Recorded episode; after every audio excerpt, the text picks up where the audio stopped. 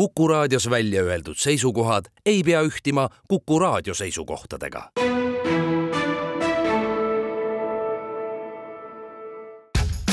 ja nüüd kohe algab Jukuraadio.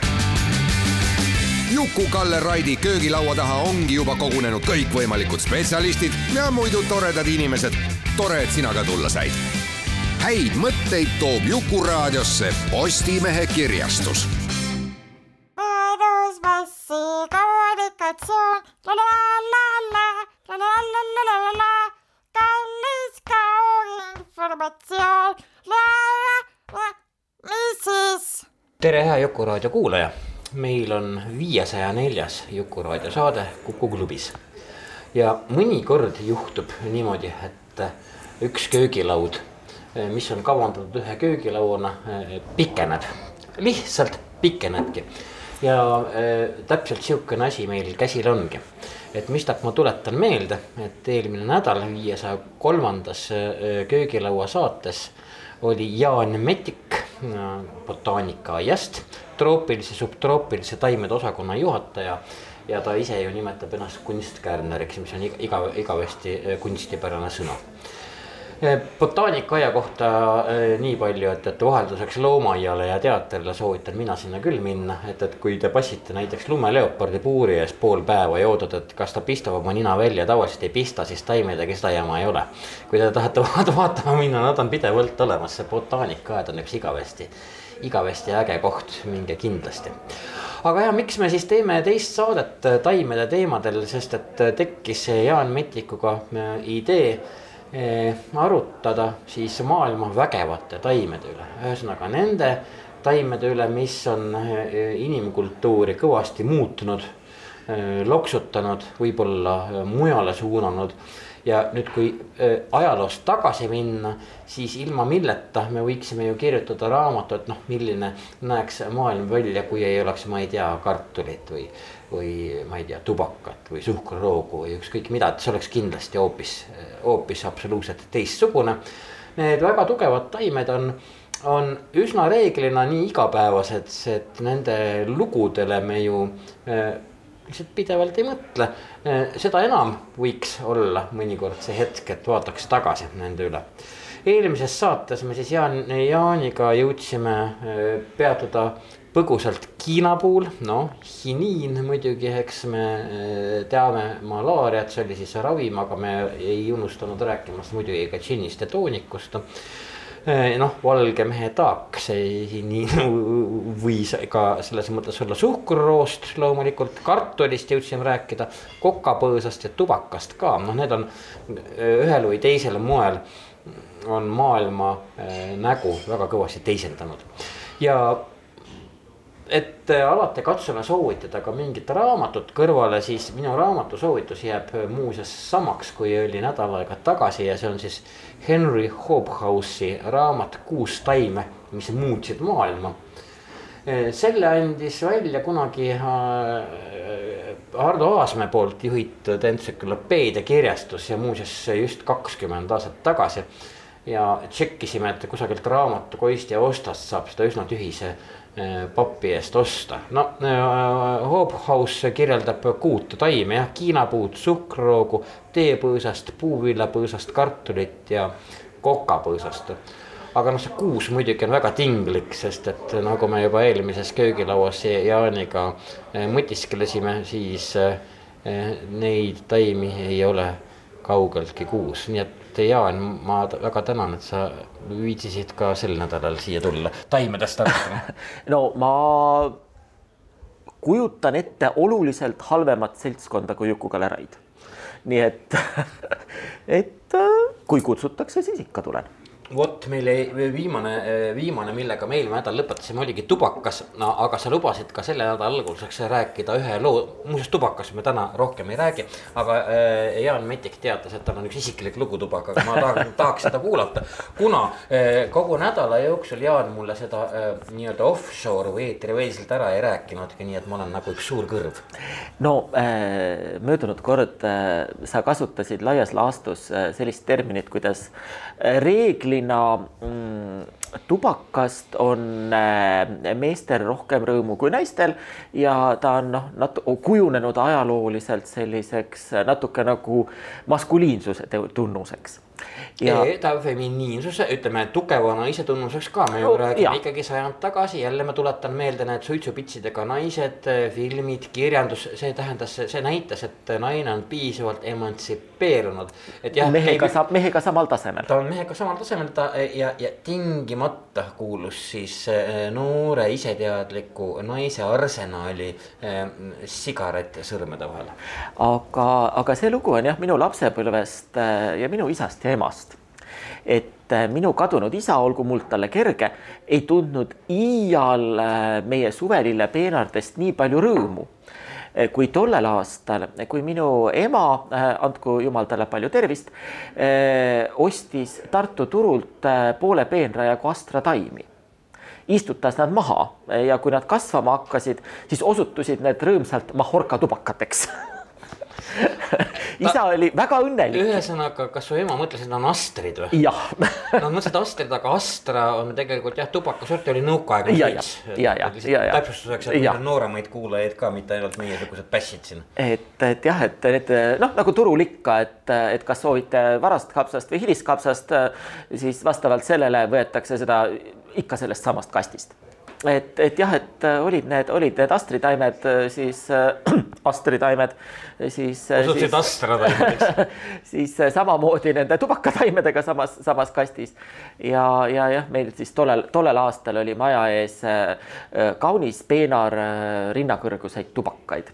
et Eesti kas tingimustes. isa äh, isaga? tal olid suured lubadused, aga tegudeni ta ei jõudnud no me muidugi teame, et eestlased, kuna tubakas oli tegelikult kallis, me tuletame meelde, siis ikkagi üritasid eestlased seda ise kasvatada küll. on isegi vastavaid raamatuid, kus Jaa. seda õpetatakse, kuidas jah, seda töödelda. esimese vabariigi ajal, noh, see on see tinglik eh, nimetus, esimene vabariik, meil on ju tegelikult üks vabariik, eks okupatsioonilise vaheajaga.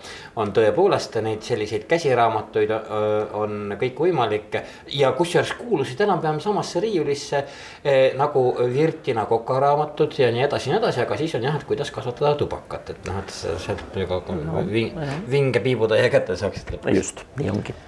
aga tõepoolest tubakast me rohkem ei räägi, keda tubakas huvitab, võtku podcast'ist siis äh, meie eelmine viiesaja kolmas köögilaud, aga viiesaja neljandast, no. me ei lähe nüüd äh, Hope House'i raamatu järgi, aga mingid taimed me peame läbi käima ja üks kindlasti, mis on p- põhjustanud ajaloos äh, inimeste miljonilisi liikumisi, äh, kultuurilisi äh, sulandusi, mille mõju ulatub popmuusikasse. orjandusest popmuusikasse täiesti kindlasti. ja ma pean silmas neegerorjade massilist ja mitte nüüd väga vabatahtlikku liikumist. millest siis tekkis ka USA-s ikkagi kultuurikatel, mida me peame täna bluesiks hilisemaks rock n rolliks, aga ka džässiks ja kogu selleks ajaks. Ja see taim, mis selle on kaudselt põhjustanud, on ju puuvill jah, et see on selline ja ta mõjutab, mõjutab maailma väga olulisel määral siiani. ja tõsi küll, enam mitte nii väga Ameerikas, kuivõrd, kuivõrd siin meil Euraasias. meie, ühist Nõukogude Liidu kodumaad kõvasti. Just, ja seal- mille kaudu jõgesid taheti ümber pöörata ja, ja, ja, ja terve ökosüsteemid perse keeratud, Just. kuivatatud Araali meri ja nii edasi, eks ja, ja just sellele, sellele ma vihjasingi, et, et sellega, sellega, sellega on jah, see, see nende tagajärgedega võitleb, võitleb äh, Kesk-Aasia siiani. et, et kas siis minna samal moel edasi, aga samal moel edasi minna ei saa. sellepärast, et lihtsalt ei ole enam vett, millega puuvilla, puuvillapõlde kasta me jõuame ka kirjandusse, lihtsalt äh, maailmaklassikasse on läinud üks selline väga meeleheitlik, ütleme orjandusliku elu väga meisterlikult, mul tuleb tegelikult kaks tükki meelde kohe. aga jah, et, et üks muidugi eh, John Steinbecki Vihakobarad, et kus me ju pajatame sellest, et puuvillapõldudelt põgenevad inimesed, noh, tahavad kõik Californiasse, kus siis kuulu järgi kasvavad apelsinid mm. -hmm. ka ma ei, ma ei kujuta pilti Männi ja Vahtre otsas, eks, et pa- parema elu peale minna, aga tegelikult on see ära kurnatud, puuvillaga ära kurnatud maa ja põllumajanduse mehhaniseerimine, mis on ja loomulikult teine on Bruno Traveni puuvillano õppijad, noh, need on eesti keeles kõik mõlemad ka olemas, no need on ainult kirjandusest ma muidu võiksin selle saate täis pajatada, aga räägime puuvillast, mitte kirjandusest. no minu jaoks äh, kõige, kõige, kui ma nüüd lähen hästi-hästi botaaniliseks ja ökoloogiliseks, et, et siis mind, ma olen natuke, natukene tutkinud seda puuvilla ajalugu. et äh, on noh, me kõik kujutame, noh, ma hakkan teisest otsast, et äh, puuvilla perekonnas on tegelikult päris palju liike. Eh, neid, mida siis eh, kasvatatakse massiliselt saagi saamiseks, need on sellised poolrohtsed, nad on suhteliselt madalad ja neid enamasti kasvatatakse üheaastaste taimedena. ja nad panevad ka selles suhtes, noh, okei okay,, seda maad tuleb väetada, seda maad tuleb kasta ja nad panevad ka selles suhtes keskkonnale väga kõva põntsu, et selleks, et neid oleks mõnus korjata siis äh, sageli, võib-olla tänapäeval vähem, aga vanasti pritsiti puuviljapõllud üle igasuguste kemikaalidega, mis äh, sundisid taimel lehe maha, lehed maha viskama, et seda korja, oleks mõnus korjata. aga mina olen nagu mõelnud seda, et, et äh, noh, kui me nüüd kujutame ette apteegist ostetud sellist vatitupsu või noh, neid vati, vatirulle, et siis tegelikult noh, see toores puuvilju ongi sisuliselt seesama vatt ja selle siis sellise pöidlasuu, pöidlasuu otsa suuruse vatitupsu keskel on, ütleme, selline väheldase herne suurune seeme. ja kuna looduses ei ole nagu mitte midagi ilmaasjata, siis ma olen ikka mõelnud, et äh, mille põrgu pärast äh, üks taim peaks endale niisuguse vati selga kasvatama. et no mis tal sellest kasu on et ma saan aru, et võilillel on see langevari, et mis kannab no, teda. absoluutselt, seemned kannab. kannab teda, kannab teda edasi, et, et sõstar on selline mõnus ja mahlane, lind sööb ta ära, lind kannab seemet edasi. aga mille põrgu pärast on äh, puuvillal see tuts, et mis kasu tal sellest on, liiati nii suur seeme ja ma pidin päris palju otsima, et, et enne kui ma leidsin. see on küll nagu kasukas. jah et aga vaevalt nad nüüd jääkarud teda no, sealt korjamas käivad ja levitavad. et äh, ja siis, et leida seda vastust, et, et noh, et milleks siis. ja selgus see, et looduslikud puuviljaliigid äh, kasvavad sageli kas jõgede või järvede ääres või siis mererannikutel, just eriti sellised puu- ja põõsakujulised liigid, mida on maailmas ka. ja see villatups on siis ongi siis äh, välja kujunenud selleks, et äh, vesi seda edasi kannaks. et kui see mõnusa koheva villaga seeme kukub veepinnale, siis, äh, siis ta niimoodi lihtsalt ulbib seal edasi ja neid mingite mere ääres kasvavate liikidega on tehtud, tehtud katseid lausa metsikute liikidega, et nende seemned võivad ujuda veepinnal isegi kuni kolm nädalat nii et, et selles mõttes kõik, kõik on õige ja kõik on mõttekas. ja aga siis inimesed loomulikult on seda kõike oma, oma hüvanguks ära kasutanud, arendanud välja üha pikema kiuga sorte. ja siis äh, on siis sellest kõigest, kõigest kangamaterjali aretanud. ja noh, kui nüüd võrrelda seda, et, et kuivõrd palju peab inimene vaeva nägema selleks, et saada särgi jagu linastriiet, kõik see külvamine, kündmine, leotamine, kloppimine, ketramine, kudumine, et see on ikka kõvasti keerulisem äh, töö kui puuvilja noppimine. et selles mõttes puuvill on palju saagikam ja teda on palju lihtsam töödelda. nii et selles mõttes on kõik, kõik õige, et, et miks peaks, miks peaks pigem puuvilla kasvatama, kui vähegi võimalik on ja see, et ta jõudis siis äh, kõigepealt Indiast Euroopasse ja siis sealt Ameerikasse, on igati loogiline ja, ja teine asi ka, et me ja just nimelt ma tahtsin öelda, et, et mis mul jäi enne mainimata eh, paraku, et, et mille mitte ainult eh, siis see ei ole muusika, eks ole ju. sest lõpuks orjad noppisid teda, tõid oma kultuuri kaasa, seal ta ka, ka muus kohalikus juba sulandus. sealt see džäss ja bluus välja kasvas, hetkel need on puuvillamuusika, tegelikult on see puuvillamuusika. suuresti küll. võib täiesti rahulikult öelda, aga veel teine asi on inimeste outfit, loomulikult. see on siis äh, odavam äh,, odavam äh, riie ja muidugi me ju kõik identifitseerime ennast oma siis mingi riidetüki kaudu, no kuulge, teksad, terve teksade kultuur, eks ole ju. see on vist eh, kõige märgilisem, eh, märgilisem ja kõige rohkemate lugudega riie, mis siis noh, kandja kohta võib kõikvõimalikke asju jutustada. mis iial on olnud. ja mis iial on olnud, just nimelt. et eh, teksad loomulikult ja siis noh, see indigo sinine siis nagu, et, et mida kuradit, et, et täiega, noh, ma vaatan, et meil mõlemal on teksad jalas, eks. jah, sellepärast, et see on ju mugav ja vastupidav. täpselt nii ja, ja, ta on ju töölisklassi rõivastus tegelikult äh, ka seda, ka seda, kuigi tänapäeval äh, võib ka täheldada, täheldada vastupidiseid trende.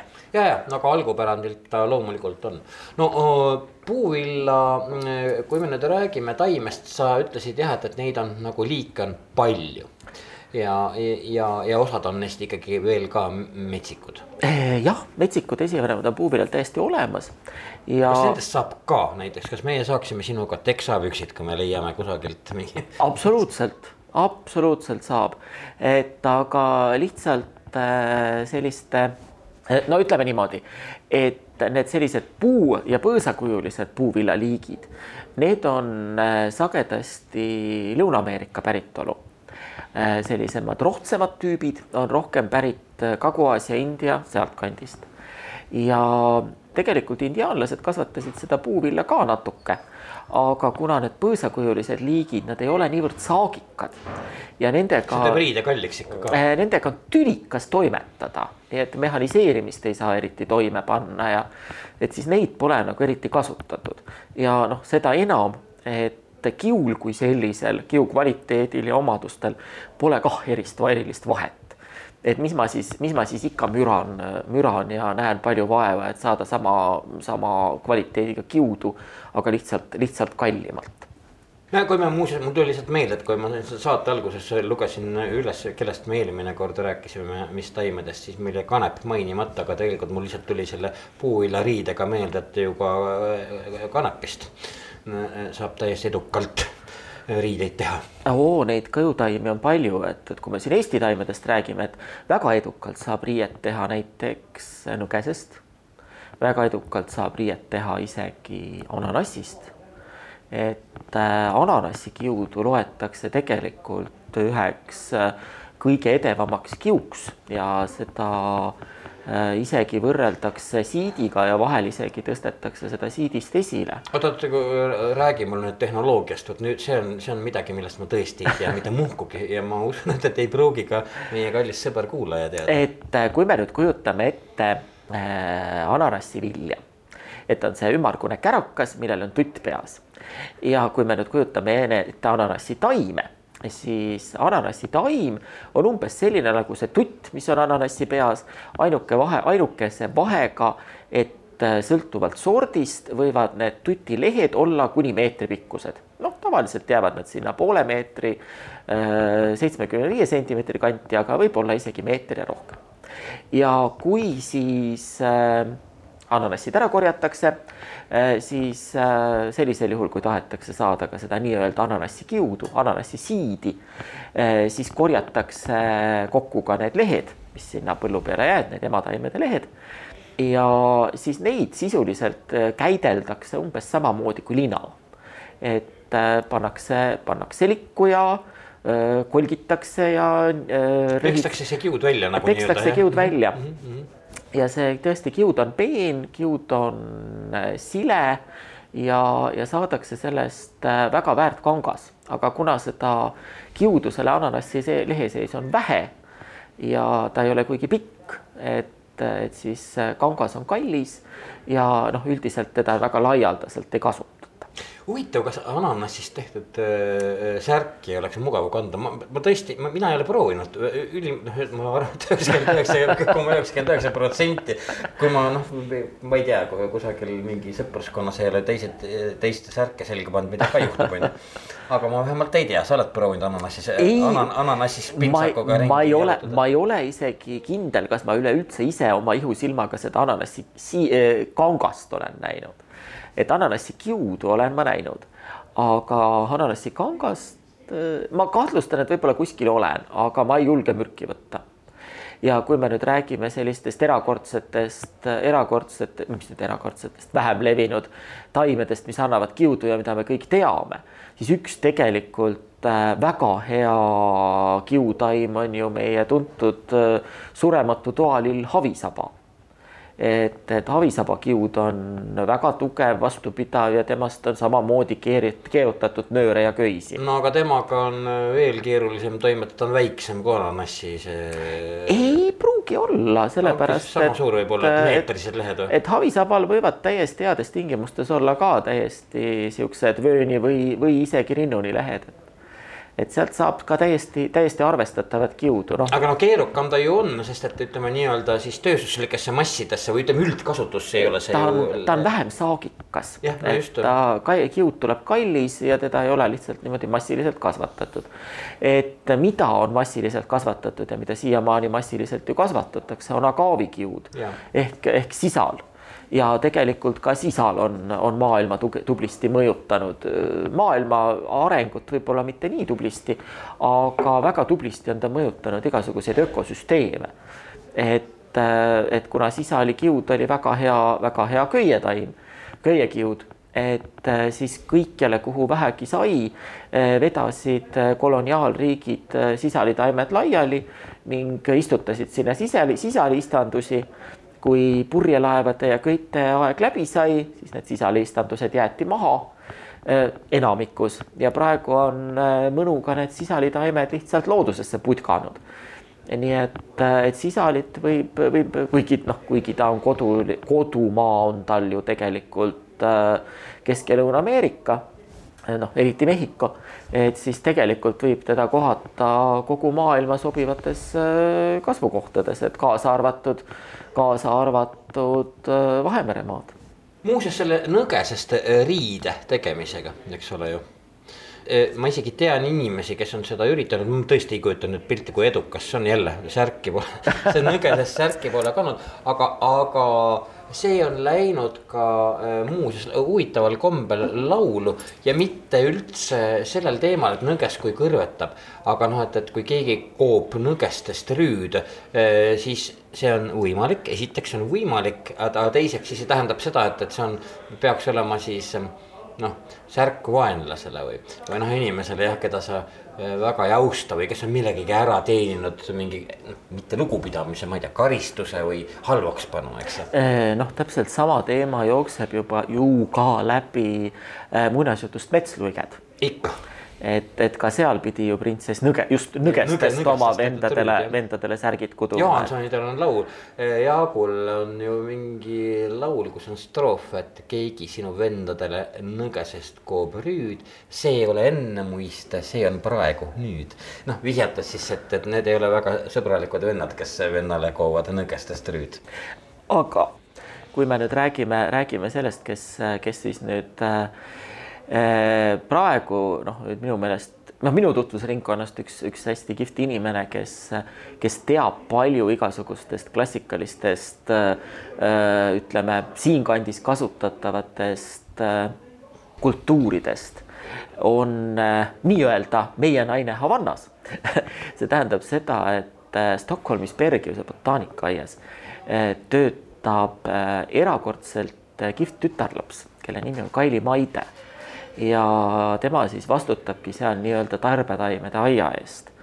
ja ta on juba paar aastat teinud väga põnevaid äh, peenraid äh, Stockholmi botaanikaaeda, kus, kus ta näitab täpselt seda, et kuidas, kuidas meie igapäevastest taimedest saab kas, kas värve, kiudu või, või mida tahes nii et, et kellel suve, suve lõpupoole on näiteks Stockholmi asja, siis alati tasub Berganskast läbi astuda, et seal on nagu hästi põnevad tarbe, tarbetaimede peenrad ja, ja kõik tänu Eesti tüdrukule see on vinge. Ja muuseas tegelikult ka Eesti botaanika, Tallinnas botaanikaaias on siis äh, väga vägevad peenrad, me kohe jõuame, teeme pausi, aga me jõuame vägevate taimedega edasi me nüüd ei hakka neid eraldi võtma, aga võtame see tinglikult grupina äh, peale pausi kohe, sest seda on neid nimetatud, mis on siis äh, väga kõvasti muutnud meie mitte ainult kulinaarset, aga jälle äh, jõukuse näite, vürtsid.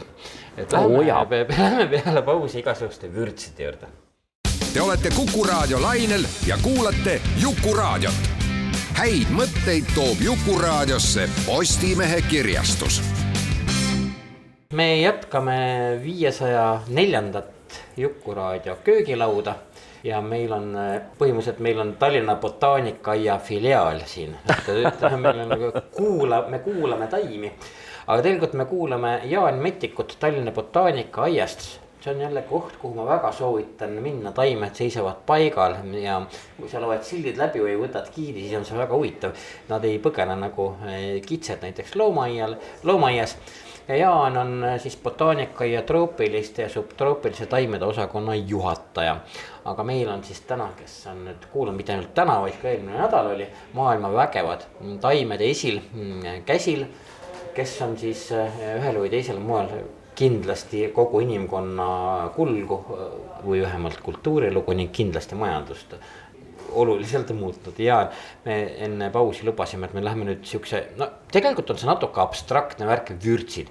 sest vürtsid äh, me võime nimetada, no sama nõges, millest me taimest rääkisime, see võib olla vürts, kui seda ära kuivatada, ta tekitab väga huvitava äh, maitsenüansi no me oleme üldiselt harjunud noh, ajaloolise terminiga vürtsisaared, eks me teame võidujooks vürtsisaartele, eks. Väga kihvt raamat. no see on jaa, absoluutselt, see on väga hea raamat.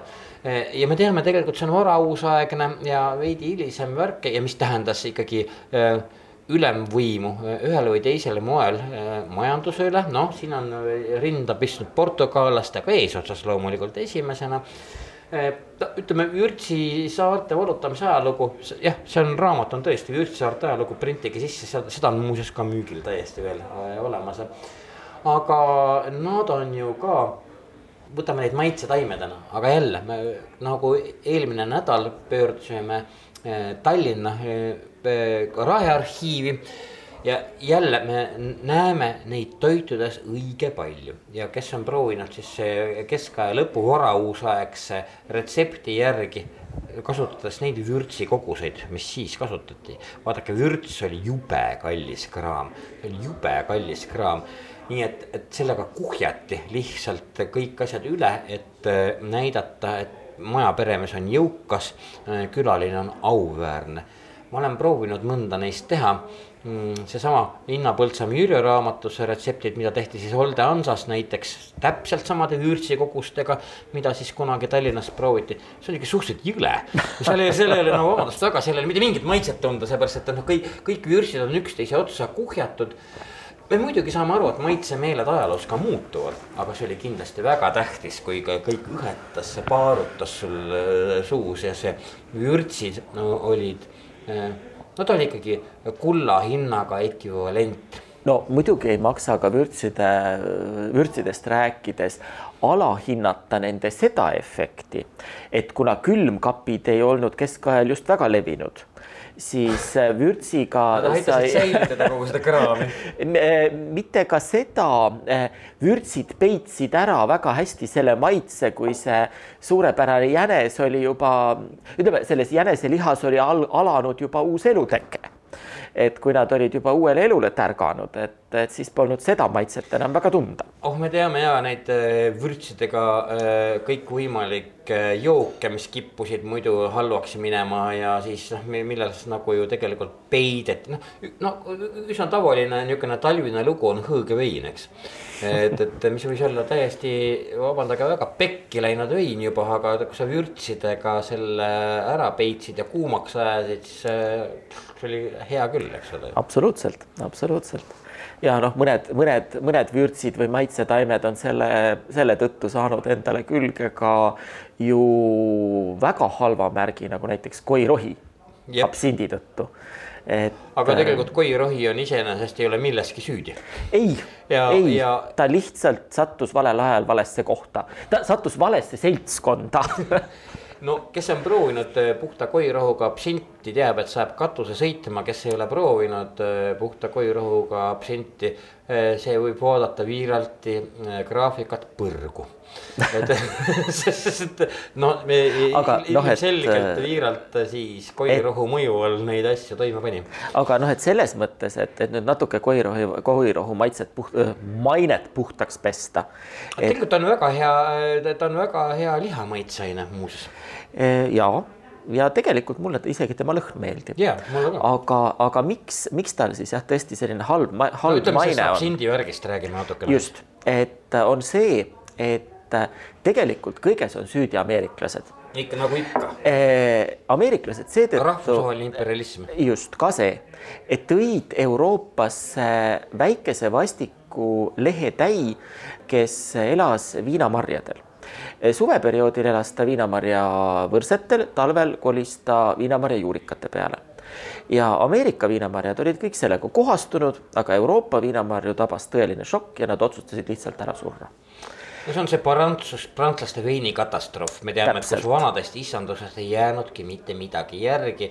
no mis oli nutt ja hala, et sellest on räägitud enne ja pärast Prantsuse revolutsiooni aga no inimene ju juua ikka tahaks ja seetõttu hakati tegema noh, ütleme ropult öeldes kõige odavamat ja lihtsamat samakat, mis oli täis puskariõlisid. aga seda ei tahtnud keegi juua, siis järelikult tuleb sinna pane- pea- juurde panna mingisuguseid maitsemine. ja, ja koirohi teadagi on äh, selline, mis pet- peidab kõikvõimalikud maitsed ja, ja pandi siiski sinna rohkelt koirohtu ja üht-teist näpuotsaga veel.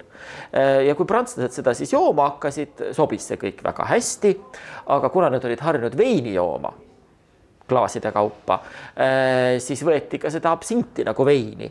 Ja kuna veinikangus on teadupoolest noh, kuni seitseteist kraadi, absindil võib see olla isegi kuus, seitsekümmend kraadi, no siis loomulikult äh, alkohol tegi oma töö ja oma töö tegi ka see viletsalt äh, puhastatud äh, alkohol, mis sisaldas palju puskariõlisid. ja need pu- koirohuga pikitud puskariõlid tekitasid mingi hallutsinogeense asja sinna juurde, mida nüüd mina ei tea, ma ei ole suurem asi keemik et koirohus aga jah, et, et aga see noh, et ühesõnaga sinna tekkis siis protsessi juures mingi üks nüanss, miks, miks absint mõjub äh, teistmoodi kui noh, tavaline kange alkohol. et äh, tead, koirohus on olemas tõesti selline, selline aine, mille nimi on tujoon ja mis on saanud oma nime selle, selle järgi, et teda elu, esineb ka elupuus ja siis äh, noh, loomulikult jäi süüdi tujoon, mitte, mitte viletsa samaka ajajad.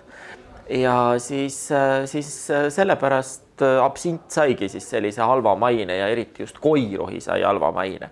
Tänapäeval, kui on hakatud juba absinti tegema korraliku piiritusega, siis enam sihukest, sihukest jama ei ole ja samamoodi inimesed suhtuvad asja ettevaatlikumalt. nojah, et, et lõppkokkuvõttes see kuuekümne kraadist jooki ei ole vaja juua nagu kümne kraadist jooki. absoluutselt. et, et seda tuleks alati meelde jätta.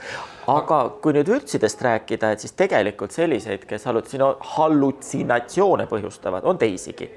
et üks selline eriti äh, kahtlane ja tegelikult ka ametlikult hallutsinogeeneks äh, kuulutatud vürts on ju muskaatpähkel.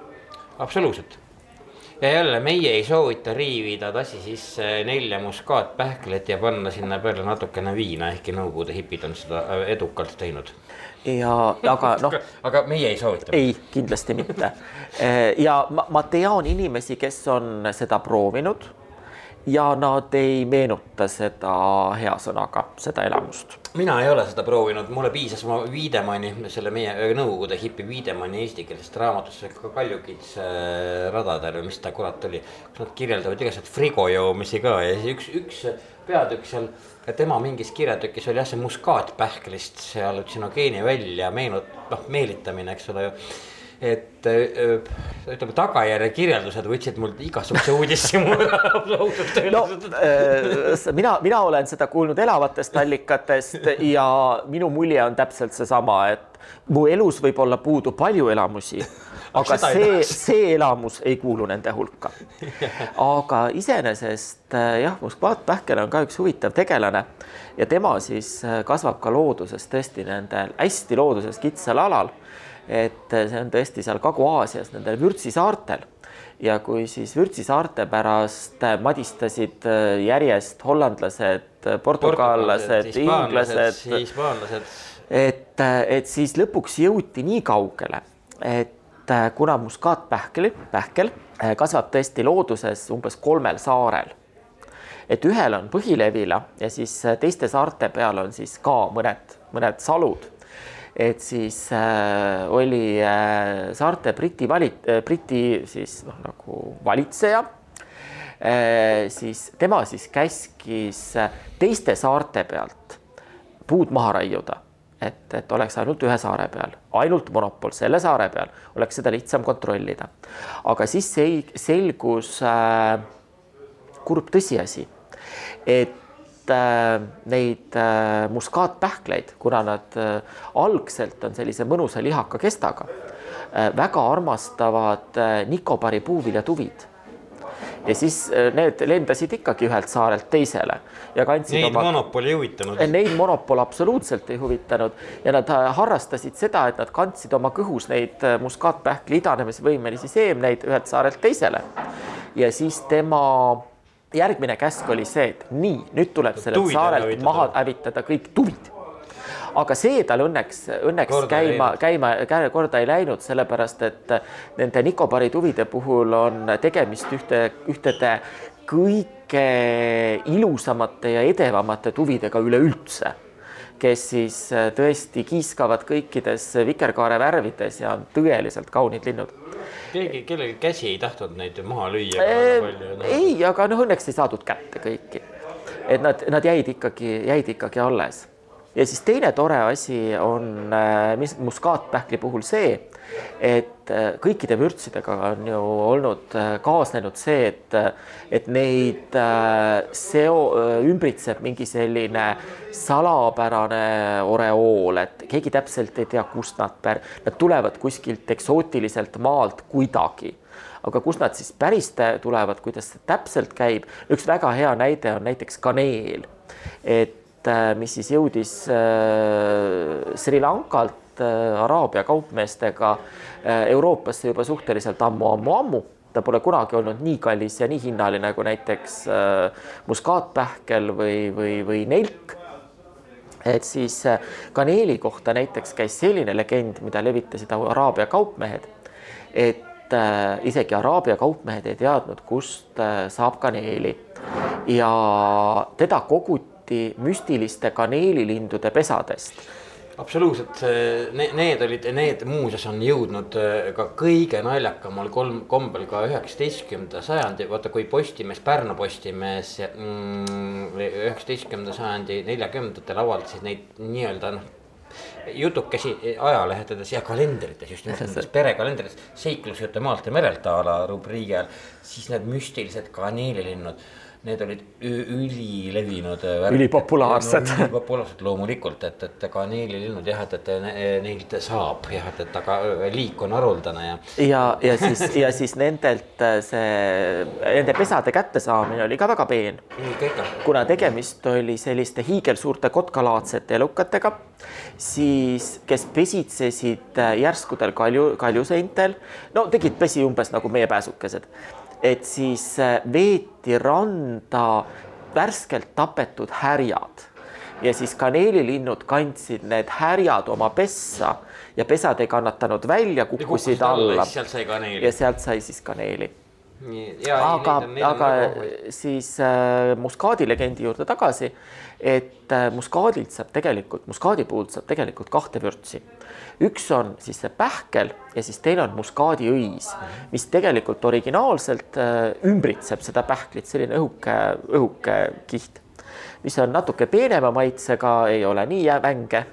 Ja see muskaadiõis on olnud alati natukene kallim, natuke eksklusiivsem ja Briti saartelt tuli siis Ida-India kompaniist äh, range käsk saarte asevalitsejale. nii, nüüd tuleb lõpetada ära nende muskaatpähklipuude istutamine ja tuleb istutada neid muskaatõiepuid. sellepärast, et selle, selle vürtsi järgi on palju suurem nõudlus. nõudlus. et nii palju siis eh, teaduspõhisest eh, kaubanduslikust lähenemisest. et vabandage väga, et ärgem kasvatage mustsõstre põõsaid, vaid mustsõstart. õige, õige, Soovitavalt- suur must sõstarmaa seest. soovitavalt juba purgis. täpselt, miks meil seda eh, vürtsidest muidugi me teame, et need maailma kõige kallim eh, vürts eh, muidugi safran, jah, mida ümbritseb ka miljon mütoloogiat ja miljon muinaslugu ja noh, ja mis on siis noh, nagu no ja ta on ju ja ka tegelikult, mis, mis tal siis nüüd nii ikka nii väga seda maitseomadust, eks ta tugevdab, annab ilusat kollast värvi, aga eh, jumala eest see kogumine, see pisikene, pisikene junnikene selle õie sees, see noh, seda on nagu ra- raske korjata, mis teeb ta eriti väärtuslikuks lihtsalt. ja kui palju on äh, safranit ju äh, võltsitud ja et, loomulikult. et on noh, need teada-tuntud libasafranid nagu safloor, siis on sinna isegi saialille pandud, siis on pandud saialillega oli üsna tüüpiline, üsna tüüpiline segamine oli saialillega. ja, ja tegelikult räägitakse isegi seda, et, et kui on eriti prostad võltsimised, siis pannakse sinna sisse isegi lihtsalt kas villast või puuvillast oranžiks värvitud lõnga. Me jõudsime safranini, aga tegelikult meil on mõned, meil on vähem, meil on vähem kui kümme minutit aega. ei jõudnud, okei okay,, me võime ju teepõõsast nimetada, mis on tegelikult ka ju noh, ütleme, noh, tee ja kohvi lähevad ühte patta, me korraks mainisime, et see on nagu hästi oluline ka kultuuriliselt. no on ka niisugune äh, teest äh, tegelikult tasuks teest rääkima kutsuda inimene, kes teab täpselt ja pikemalt äh, Hiina ajalugu. sellepärast, et äh, tee on üks äh, põhjuseid või brittide armastus tee vastu on üks põhjuseid, miks puhkesid Hiina oopiumisõjad absoluutselt, aga meil on veel tee nimega veel ka Ameerikas konflikt olnud, me teame väga hästi, et, et, et Bostoni, Bostoni tee joomine. Bostoni tee joomine just nimelt, eks ole. et, et tee on muidugi väga-väga kultuuriliselt väga oluline. aga okei okay,, ma luban, et me teeme teest tõepoolest ühe saate ja ma isegi tean, keda tegelikult äh, kutsuda. Teele- teele kutsuda. ei, no tee on nagu täiesti kultuuriliselt väärt omaette tunniajast käsitlust äh, absoluutselt kindlasti.